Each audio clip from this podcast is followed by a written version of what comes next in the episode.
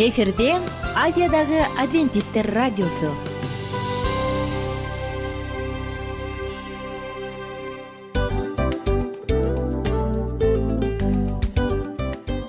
Достор салют. Баардык сүйүктүү угармандарыбызга салам айтабыз. Кутман күнүңүздөр менен. Ден соолук өмүрдүн булагы демекчи саламат саамы программасында баарыңыздарды көргөнүбүзгө абдан кубанычтабыз. Анда алгач амандашып өтөлү арбаңыздар деп. Ден соолугуңуздар кандай элибизде көбүнчө ден соолук кандай дегенде эле жакшы деп жооп беребиз э? ооруп турсак дагы жакшы дейбиз. Анан мен муну айтып ойлойт элем бул абдан сонун сөз депчи анткени бул жакшы деген үмүт да э баары жакшы болот. Баары сонун. Деп үмүттөнүп атып эле өзүбүздү өзүбүз дарылап коебуз. Анысы кандай? Сиздин дагы ден соолугуңуз жакшы беш деген үмүттөбүз чындыгында ден соолук бул өмүрдүн булагы деп бекеринен айтылган эмес деп ойлойм. Кыргыз элинде анткени эгерде ден соолук жок болсо анда адамдын жашоосунда калган баардык керектүү маңыздуу нерселер өзүнүн баалуулугун жоготуп коет. Ошондуктан ден соолук бул эң керектүү нерсе. Ооба туура айтасың кесиптешим чынында ден соолугуң жок бир эки үч күн ооруп калсаң эле э кандай болуп калат? Жашоодо көз каранды болуп каласың көп нерсеге жетишпей каласың көп нерсени кыла албай каласың жада калса эшикке дүкөнгө да чыга албай каласың. Туптуура анан ден соолук болсо демек биз биздин бактыбыз тоодой деп койсок болот. Анда достор саламат саамы рубрикабызды баштайлы. Алдыда өзүңүзгө керектүү болгон сонун кеңештерди уга аласыздар. Мына ошондуктан биз менен бирге болуңуздар. Ал эми биз болсо милан жана айнура. Кеттик алга. Алга саламат саама ден соолуктун жарчысы. Саламат саама ден соолуктун ачкычы. Күн сайын сиз үчүн мыкты кеңештер сонун жаңылыктар кызыктуу фактылар. Биздин рубрикада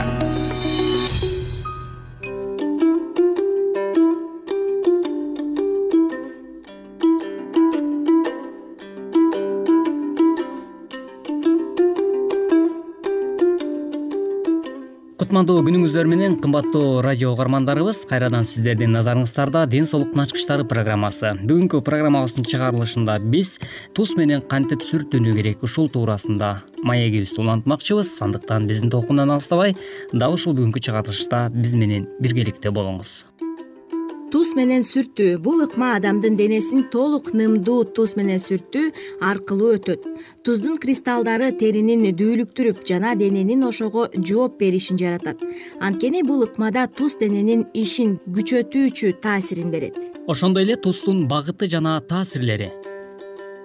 Ысытуу же муздатуу жолун колдонбостон кан тамырларды кеңейтүүгө таасир этет. Кан айланууну күчөтөт нерв иштерин жакшыртат жана көңүлдүн көтөрүлүшү менен ички күчкө толууга жардам берет. Теринин өлгөн клеткалардан арылууга жардам берет. Мында сырткарыдагы туздун пайдалуу жактары. Ысык муздакты жакшы кабыл албаган жана ысык муздакты таасир ала албаган адамдарга пайдалуу ашказан ичегилерин өтүшүп кеткен ооруларына дагы пайдасы зор. Кант диабетине дагы колдонсо жакшы начар кан айланууга жакшы жардам берет. Суукка көп учурда урунганда пайдалуу төмөн кан басымда дагы пайдасы зор экен. Дененин толук чарчашына жана иммунитетти алсыз болгонго жакшы пайдасын берет. Ошондой эле терс жана сактануу жактары биринчиден тери жаратка учурап же жаралуу болсо терс таасир этет. Экинчиден теринин жапа чегүүсүнө алып келбеш үчүн бул ыкманы сейрек колдонуу керек. Ошондой эле тузду колдонуп жаткандагы керектелүүчү нерселер? Биринчиден бир эки килограмм кесек туз жана аны колдонууга ыңгайлуу идиш. Экинчиси отургуч. Үчүнчүсү шейшеп жана сүлгү төртүнчүсү буттарды ысытуу ыкмасы үчүн чылапчын. Бешинчиси жуунуу үчүн душ же чака. Андан сырткары дагы туз менен дарылануунун ыкмалары. Адамдын денесинин жылуулугун сактаңыз жана ылдамдуу күчтүү сүртүңүз. Туздун жабышчаак болушу үчүн ага жетиштүү суу куюңуз бирок өтө суюк кылбаңыз буттарды ысытуу ыкмасы үчүн кырк градус ысыктыктагы суу камдаңыз. Адамды ысык суу куюлган чылапчынга отургузуңуз. Аны шейшеп менен ороп жаап туз менен сүртө турган жерин гана ачык калтырыңыз. Анын денесин жылуулуктан сактаңыз. Адамдын сүртө турган жерин алдын ала чылапчындагы суу менен нымдаштырып алыңыз туз менен терини ал кызгылт болгончо чейин тез жана күчтүү сүртүңүз. Дененин бөлүктөрүн кезектештирип сүртүңүз. Колдорун ийиндерин төшү менен ичин аркасын жамбашын жана буттарын. Душ менен же чакадан суу куюлуп дененин э, туздарды жууп алыңыз. Анын денеси кургак кылып сүртүп жылуулугун сактап калуу үчүн тез кийиниңиз ошондой эле дагы бир дарылануунун ыкмасы болуп бул э, муздак жана ысык ваннаны кезектештирүү. Биринчи түрү бул ысык ванна экинчи түрү бул муздак ванна. Жана ошондой эле булардын багыты жана таасирдүү жактары ысык жана муздак ваннаны кезектештирүү кан тамырлардын кеңейип жана кичирейишин кезектештирет. Экинчисинде өзгөчө ыкманы колдонуп жаткан жердин жана баардык дененин кан менен жакшы камсыз болуусуна жардам берет. Зат алмашууну жана керексиз нерселерден арылуу ишин күчөтөт. Сакайтууну тездетет. Кандагы ак клеткаларынын ишин күчөтөт. Мындан сырткары дагы пайдалуу жактары ысык жана муздак ваннанын кезектештирүүсү мисалга кыймылсыз жата бергенден пайда болгон жарааттардан кесепетинен венадагы кан айлануунун начарлашына же бузулушуна жардам берет. Кыймылсыз адамдардын жата бергендигинен пайда болгон жаралар кан тамырлардын жараларына жакшы жардам берет. Жугуштуу ооруларга лимфа бездерине суук тийгенде жакшы таасирин берет бир жерди чойдуруп муунду чыгарып же катуу урдуруп алганда жакшы жардамын берет. Сөөк сынганда жакшы таасир этет. Артритке пайдалуу ревматоид жана остеоартритке жакшы таасирин берет.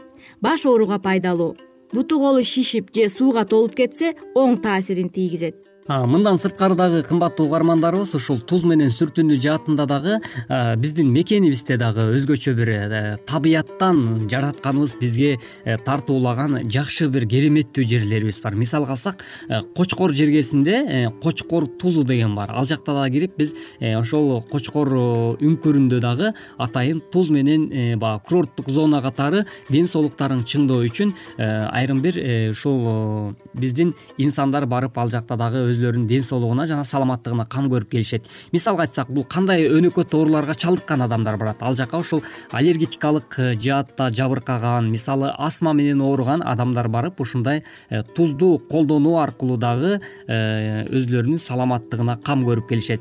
Бул дагы абдан жакшы ыкмалардын бири болуп эсептелинет экен. Мисалы ушул туз жаатын алганда дагы ушундай ыкмаларды сиз жашооңузда колдонгон болсоңуз же болбосо колдонуп жүргөн болсоңуз да бул абдан пайдалуу экен Э, сүртүнүүдөн сырткары дагы мисалы үйгө деле ошол э, кадимкидей ушул тузду алып келип алып э, бөлмөңүзгө жата турчу уктоочу бөлмөңүзгө дагы коюп койгон болсоңуз бул дагы дем алуу аркылуу дагы сиздин өпкөңүзгө жана ошондой эле ички организмиңизге абдан пайдалуу витаминдерди жана азыктарды алып келет экен. Тузду бир гана сүртүнбөстөн дем алганыбыз дагы пайдалуу. Анан кийин мисалга тишибиз ооруп атса оозубузду чайкасак болот ооба ошол эле учурда тиштерди сактоо жолдоруна дагы абдан чоң жардамын тийгизет экен бул туздун пайдасы. Андыктан ушул э, мисалы ар кандай курттар түшүүдөн э, же болбосо э, баягы жаман жыт чыгуу учурларда дагы ошол кара тузду алып сиз эгерде ушул суу менен жылымык ыкчам кылып алып туруп күнүнө мисалы бир күндө үч жолу чайкай турган болсоңуз бул дагы ушул кадимкидей сиздин тишиңизди бүлөңүздү бекемдегенге жана эле ошол учурда ар кандай курттардан арылтууга дагы жардам берет экен кымбаттуу угармандарыбыз бүгүнкү программабыздын чыгарылышында дагы дал ушул э, туз менен кантип э, сүртүнүү жолдору менен дарылануу туурасында дагы э, маекке орток болдуңуздар. Андан сырткары жылуу жана муздак ванна алуу туурасында дагы айрым бир кеңештерге күбө боло алдыңыздар. Бул кеңештердин баардыгы сиздин жашооңузга өзүнүн жакшы натыйжасын берсин деген тилек менен бүгүнкү программабызды жыйынтыктамакчыбыз. Кийинки берүүдөн кезишкенче сак саламатта болуңуздар саламат саама. Ден соолуктун жарчысы. Саламат саама. Ден соолуктун ачкычы. Күн сайын сиз үчүн мыкты кеңештер сонун жаңылыктар кызыктуу фактылар. Биздин рубрикада. Салют замандаштар баарыңыздарга ысык салам. Дил маек программабызга кош келиңиздер. Дил маек рубрикасы дегенде эле бул эмне болгон дил маек ким менен маектешебиз деп сурайт болуш керек угармандарыбыз бул рубриканы кыскача тааныштыра кетип турган болсок ар тарап кесип ээлеринен болгон сонун интервью кеңештер бар ооба. жылдыздар менен болгон маек бар аталарыбыздын агаларыбыздын чоң аталарыбыздан сонун кеңештер бар ошондой эле эже сиңдилердин кеңештери бар айтор баардык кызыктардын баары алдыда. Негизи эле адам баласы бир кимдир бирөөнө ишенип сырын ачкысы келет эмеспи э мындай баарлашууга жакын келебиз го? Албетте негизи бир жерге отуруп алып кенен шашпай баягы жүрөктөн жүрөккө ачып сырларыбызды ар кандай көйгөйлөрүбүз менен бөлүшүп баягы чын жүрөктөн маек курганды кимибиз сүйбөйбүз э? Ооба десең ал нерсеге суусап да келебиз да. Ооба кээ бирде адамга чындыгында баягы э, ысык маек баягы жылуу маек жетишпейт да. Ошондуктан биз ушул рубриканы ойлоп тапканыбызда эң биринчи эле достор сиздер менен чын жүрөктөн бир маңыздуу темаларды козгоп кеткени э, кааладык. Ошондуктан ушундай сонун бир рубриканы тартуулап жатабыз. Анын үстүнө радио дагы сонун дос да анткени э, мындай учурда досуңа айтсаң досуң досуна айтат досу досуна айтат да анан бүт өлкө билип калышы мүмкүн го. А радио болсо сени сатпаган сенин айыбыңды ачпаган сенин сырыңды эч кимге айтпаган сонун дос мына ошондуктан биздин алдыдагы айта турган кеңештерибизди биздин досторубуздун кеңештерин угуп анан ал жака пикириңизди дагы калтырып кайрадан биз менен байланышсаңыздар болот. Деги эле жашооңузга эгерде кичине болсо дагы өзгөрүү алып моралдык жактан нравовдук жактан сонун бир кеңештерди алсаңыз демек биз максатыбызга жеттик. Ооба. Чыңгыз атабыз улуу жазуучу э, чыңгыз айтматов айткандай адам болуу бул күнүмдүк процесс экен. Күн сайын адам бойдон калуу бул адамзатка эң эле кыйын дейт э? э эң кыйын дейт. Чындыгында бунун э, негизинде адамдын эң баягы сапаттуулугу адамдын э, адамгерчилиги жана көптөгөн керектүү нерселер. Мына ошол темалар дагы бизде ушул дил маекте биз аларды да козгойбуз. Ден соолук жөнүндө да сүйлөшөбүз. Сөзсүз түрдө анан милан мырза негизи айтып коюшат го. Биз көбүнчө эмнени ойлонсок ошол нерсеге карата иш кылабыз го. Ооба анан анысы кандай? Балким бул радио баракчада кимдир бирөөнүн оюн текшергенге жардам берет кимдир бирөөнүн жүрөгүн текшергенге жардам берет. Балким кимдир бирөөгө жашоонун маңызын тапканга жардам берер. Айтор кызыктын баары алдыда бул жөн гана кыскача жарнама анда угармандарыбыздын баардыгын кийинки рубрикабызга чакырабыз. Ал эми кызматта маңдайымда отурган кесиптешим милан жана мен айнура. Анда эмесе биз даярдаган терең терең ойлор менен таанышууга кеттик. Алыс алыс баралык. Анда эмесе достор биз менен бирге болуңуздар. Алдыда эң кызыктуу маалыматтардын баардыгы бир нече мүнөттөр бою жалгыз гана сизге арналат. Мына ошондуктан жакшы маанай менен угууну каалайбыз. Үн алышканча. Жөнөдүк. Ар түрдүү ардактуу кесип ээлеринен алтын сөздөр жүрөк ачышкан сыр чачышкан сонун маек дил маек рубрикасында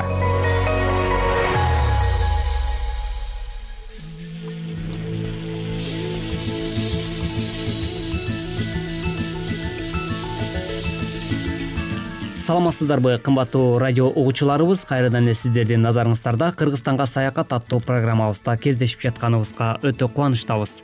Бүгүнкү программабыздын чыгарылышында кайсыл жакка саякатка барабыз деп турган болсоңуз анда биз кыргызстан мекенибизде жайгашкан жана ошондой эле тоолуу аймактарда орун алган мөңгүлөр туурасында сөз кылмакчыбыз. Анда эмесе биз менен биргеликте болуңуздар. Кыргызстандын аймагындагы мөңгүлөрдүн таралышы. Мөңгү каптаган аянттардын жана жекече мөңгү муздардын өлчөмдөрү. Негизинен климаттык элементтеринин жергиликтүү шарттарга жараша өзгөрүшүнө тоо системаларынын абсолюттук бийиктиктерине жана алардын өрөөндөргө карата жайгашышына көз каранды. Жер бетинин тилмелениши да чоң ролду ойнойт. Ушул шарттарга жараша мөңгүлөрдүн жаралышы мейкиндик боюнча бирдей эмес көп аянтты ээлеген мөңгүлөр аймактар бийик тоолордун капталдарында жана өрөөндөрүндө жайгашкан. Кээ бир тоолордун кыркаларында үзгүлтүксүз жаткан түбөлүк каар талаалары жана мөңгүлөр кездешсе экинчи кырка тоолорунда туташ эмес каар муз талаалары майда мөңгүлөрдүн формалары кезигет. Мөңгүлөрдүн таралышына эки түрлүү мыйзам ченемдүүлүктөр байкалат. Биринчиси бийик жайгашкан тоо массивтерине байылаган мөңгүлөрдүн туташ жаткан очогу. Экинчи кырка тоолордун бийик кырларынын бойлоп кээде туташ кээде өз алдынча биринен бири ажырап жайгашкан мөңгүлөрдүн катары.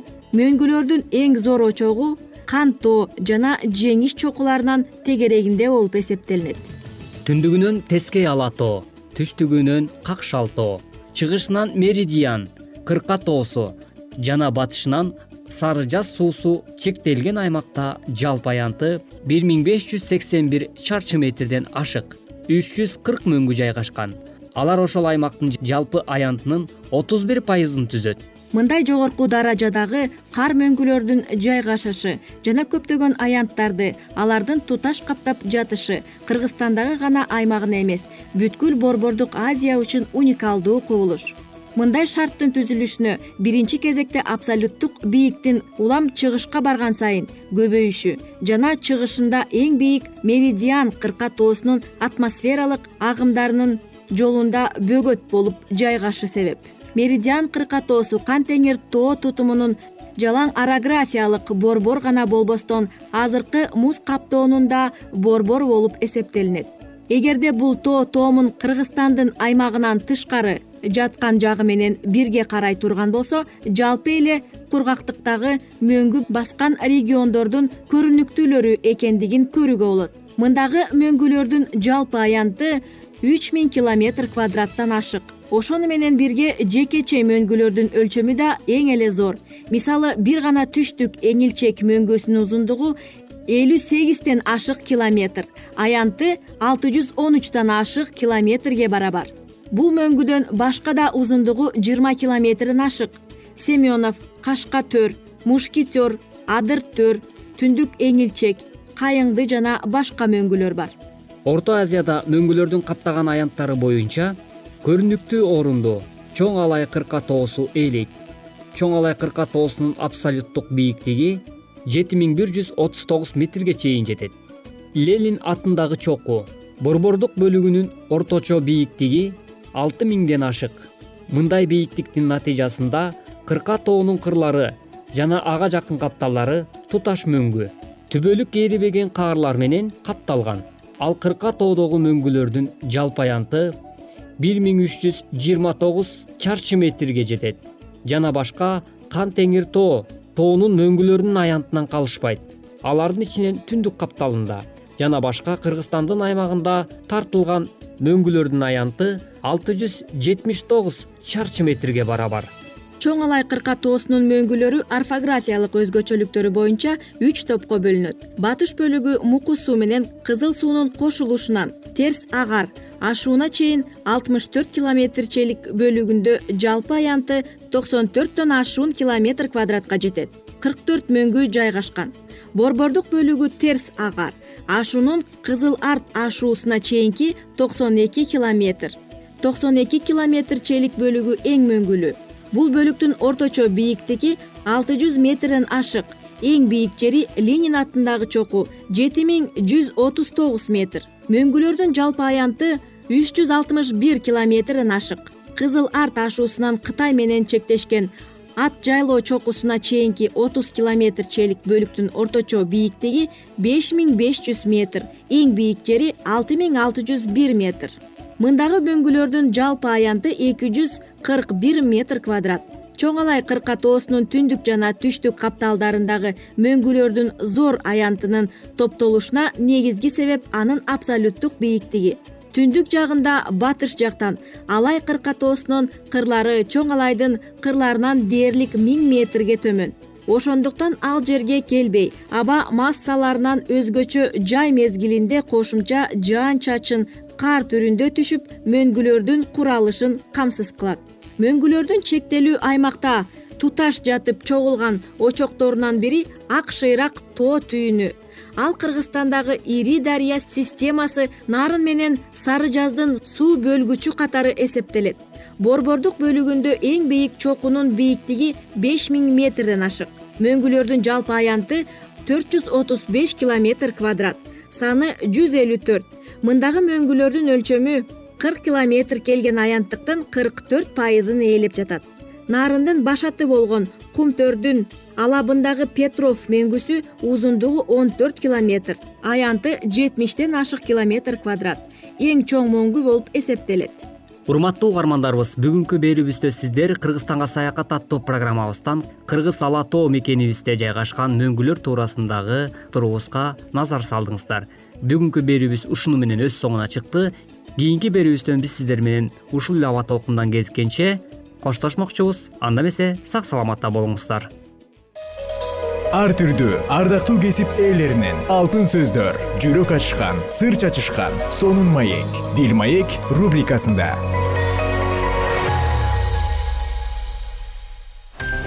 Жан дүйнөңдү байыткан жүрөгүңдү азыктанткан жашооңо маңыз тартуулаган жан азык рубрикасы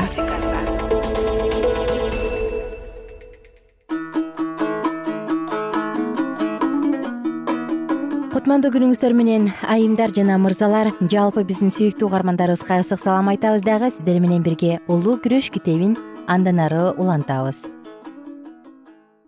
Эгерде алар күткөндөрдү күтө турган көңүл калуулар жөнүндөгү пайгамбарлыкты толугу менен билишкен болсо анда алар аткара турган иштер аткарылбай калмак. Биринчи жана экинчи периштенин кабары керектүү мезгилде орундатылды жана теңир аркылуу белгиленген иш аткарылды. Дүйнө бул кыймылга көз чаптырып турду. Эгерде убакыт өтүп кетсе анда машаяк келбей кала турган болсо анда адвентисттердин окутуулары токтолуп калат. Көпчүлүгү болуп өткөн сынактарга туруштук бере алышпай өз ишенимдеринен баш тартышса дагы башкалары ага туруштук беришкен. Адвентисттердин кыймылынын көрүнүктүү жемиштери момундук өзүн текшерүүгө ийкемдүүлүк жана бул дүйнөлүк кызыгуулардан баш тартуу өмүрүн өзгөртүү булардын бардыгы бул кабар кудайдан экендигин абдан көркөмдөп күбөлөндүрүп турган. Алардын экинчи келүү жөнүндөгү кабарды таратуусуна ыйык рух түрткү болгондугун бирөө тана алабы пайгамбарлык мезгилдерди санап чыгууну алар ката деп эсептешти беле алардын пайгамбарлык мезгилдерди талкуулаганын эң эле кылдат каршылаштары дагы туура эмес деп айта алмак эмес. Ыйык жазууну кылдаттык менен изилдешкендиктен алардын акылын кудайдын руху жарык кылып жана алардын жүрөгүн анын ыйык сүйүүсү башкарган окутуудан баш тарта алышкан жок. Эң эле катуу сыноолорду жана диний окутуулардын каардуу көрө албастыгын баштан өткөрүп философтордун оюна туруштук берген чындыктан алар баш тарта алышабы окумуштуулардын кысмакка алып баш тартууларына бал тилдүү жемелерине шылдың жана кемсинтүүлөрүнө чыдаган адвентисттерди бардык коомчулуктар ушундайча кабыл алышкан. Чынында эле күтүп жаткан окуя болбой калды. Бирок бул нерселер кудай сөзүнө ишенгендикти солкулдата алмак эмес. Качан жунус пайгамбар кырк күндөн кийин неневия шаары кыйратылып жок болот деп көчөмө көчө жарыялаганда неневиялык тургундардын жашоосунун өзгөрүлгөндүгүн теңир көргөн. Жана сынак мезгилин узарткан. Чынында эле жунус пайгамбардын насааттары кудайдан болгон жана шаар дагы анын эрки менен сынакка кабылган. Теңир ошол сыяктуу эле бул дүйнөгө сот жөнүндө эскертүү кабарын бергендигин адвентисттер билишкен. Бул кабар дешкен алар уккандардын жүрөктөрүн сынаган жана бирөөлөрүн кудайдын күнүн тосуп алууга каалоосун ойготсо башкалары үчүн бул кабар кудай көрүп турган жек көрүүчүлүктү жараткан. Бул кабар адамдарды эки топко бөлдү жана теңир белгиленген убакытта келе турган болсо кайсыл жакта болуп кала тургандыгын билиш үчүн өз жүрөктөрүн кароого мүмкүндүк берген. Анын келишинде алар минтип айтууга даярбы. Мына ал биздин кудайыбыз ага биз таянганбыз жана ал бизди куткарды. Же болбосо алар аскаларга жана тоолорго кайрылышып алар козунун каарынан сактап калыш үчүн өздөрүнө түшүүсүн өтүнүшөбү. Ошондуктан кудай өз элин мына ушундайча сынаган ал алардын ишенимин белгиси келди ал өзү аларды коюуну каалаган негизде алар сынак саатында тура алышабы жана бул дүйнөлүк кызыгуулардан баш тартып жана кудай сөзүнө толук таяна алышабы. Бардыгы кудайдын эрки менен болду деп ишенген адамдардын сезимдери жөнүндө миллер мындай деп айткан. Эгерде мен ушул эле далилдерди билүү менен кайра жашоого мүмкүндүк ала турган болсом анда кудай алдында жана жакындарымдын алдында дагы чындыгымды айта турган болсом мен өтүп кеткен жол менен кайрадан өтөт элем. Анткени мен билем менде эч кимдин каны жок. Мен кимдир бирөөнүн айыптоосуна кабылып калбашым үчүн болгон аракетимди жасадым. Мен эки жолу көңүл калууга кабылганым менен дейт бул кудайдын адамы. Мен аягына чейин кулай элекмин. Менин машаяктын келишине болгон ишенимим баштагыдай эле бекем. Көп жылдар олуттуу ойлонуудан кийин өзүмдүн милдетим деп эсептеген нерселерди гана жасагам. Эгерде жаңылган болсом өз жакындарымды сүйүп жана кудай алдында өз эркимди аткарууга аракет кылгандыгымдан гана жаңылам бир нерсени мен жакшы билем. Өзүм жакшы ишене албаган нерсе жөнүндө насаат айткам жана менин жанымда кудай бар болчу. Анын күчү менин эмгектеримде билинип турат. Жана ушундайча көптөгөн жакшы иштер аткарылган. Биздин азыркы кездеги насаатыбыздын аркасында миңдеген адамдар ыйык жазууларды окуп жатышат. Жана машаяктын тазалоочу канынын аркасында кудай менен элдешишти мен эч качан бул дүйнөнүн белгилүү адамдарынан ырайым күткөн жокмун. Жана дүйнөнүн көрө албастыгына жеңилген эмесмин. Жана азыр дагы аларга жагынууну каалабайм бул алардын ачуусун келтире турган болсо дагы мен өзүмдүн милдетиме ишенимдүү бойдон калам. Кудайдын алдын ала көрөгөчтүгүнө менин өмүрүмдү жоготуу зарыл боло турган болсо мен өз өмүрүмдү сактап калыш үчүн аракеттенбейм жана калтырабайм деген миллер кудай өз элин калтырган жок. Анын руху баштагысындай эле берилген жарыктардан алаңказарлык менен баш тарткандарды ээрчибеген жана адвентисттердин кыймылына тил тийгизбеген адамдар менен болуп турду кыйналгандар жана кыйын абалда турган адамдар үчүн еврейлерге жазылган катта мындай эскертүүчү жана кубаттоочу сөздөр бар. Демек үмүтүңөрдү калтырбагыла. Анын абдан сонун сыйлыгы бар. Кудайдын каалоосун аткарып убадаланганды алыш үчүн силерге чыдамкайлык керек. Анткени аз эле аз эле калды. Жана келе турган келет токтолбостон келет. Такыба жан өз ишениминде аман жүрөт ал эми ким олку солку болсо аны менин жаным жакшы көрбөйт. Биз болсо жок болуу үчүн олку солку болуп тургандардан эмеспиз бирок жанды куткаруу үчүн ишенимде турабыз. Еврейлер онунчу бап отуз бешинчи отуз тогузунчу аяттар.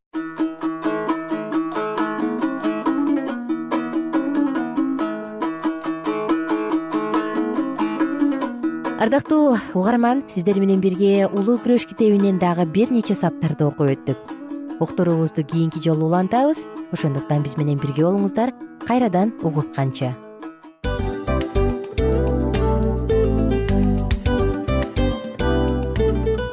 достор биздин радио баракчаларыбыз соңуна келди. Демек бул программабызды дагы жыйынтыктачу учур келдик. Учурга келдик. Анан кесиптешимден сурагым келип турат. Негизи эле иштин башталып атканы кубандырабы сени же жыйынтыгы кубандырабы албетте жыйынтыгы. Себеп дегенде сен кылган ишиңдин жыйынтыгын көрүп э, баягы мөмөсүн көрүп дегендей жыргайсың жүрөгүң жемишинен тартып э кандай даамдуу деп. Баягы буудай сепкенде эмес буудай эгинди жыйнагандан кийин ысык нанды жегенде кадимкидей ырахаттанасың го. Ой айтпа туура айта кеттиң сонун салыштыруу болду анан мен дагы абдан кубанып турам. Анткени биз угармандарыбыз үчүн аябай эмгектенип келген уктуруубуздун соңуна келип калдык. Анан эми э, уктуруубуздун соңунда угармандар кандай пайда алып калды экен деп күтүп турам да. Балким э, менин жашоомо өзгөрүү киргизе турган сонун сөздөр болду. Мен ушул нерсени изилдеп анан кабыл албасам ушул нерсени кылбасам деген чечим чыгарсаңыз анда биз абдан кубанычтабыз. Сөзсүз түрдө. Андыктан кийинки биздин кызыктуу уктурууларыбыздан көрүшкөнчө сак саламатта калыңыздар. Чыдамсыздык менен сиздерди мен милан жана кесиптешим айнура күтөбүз баардык угармандарыбызга ийгиликтүү күн каалайбыз. Качан гана болбосун уртуңуздан жылмаюу кетпесин үйүңүздө көмүр жүрөгүңүздө көңүл болсун дейли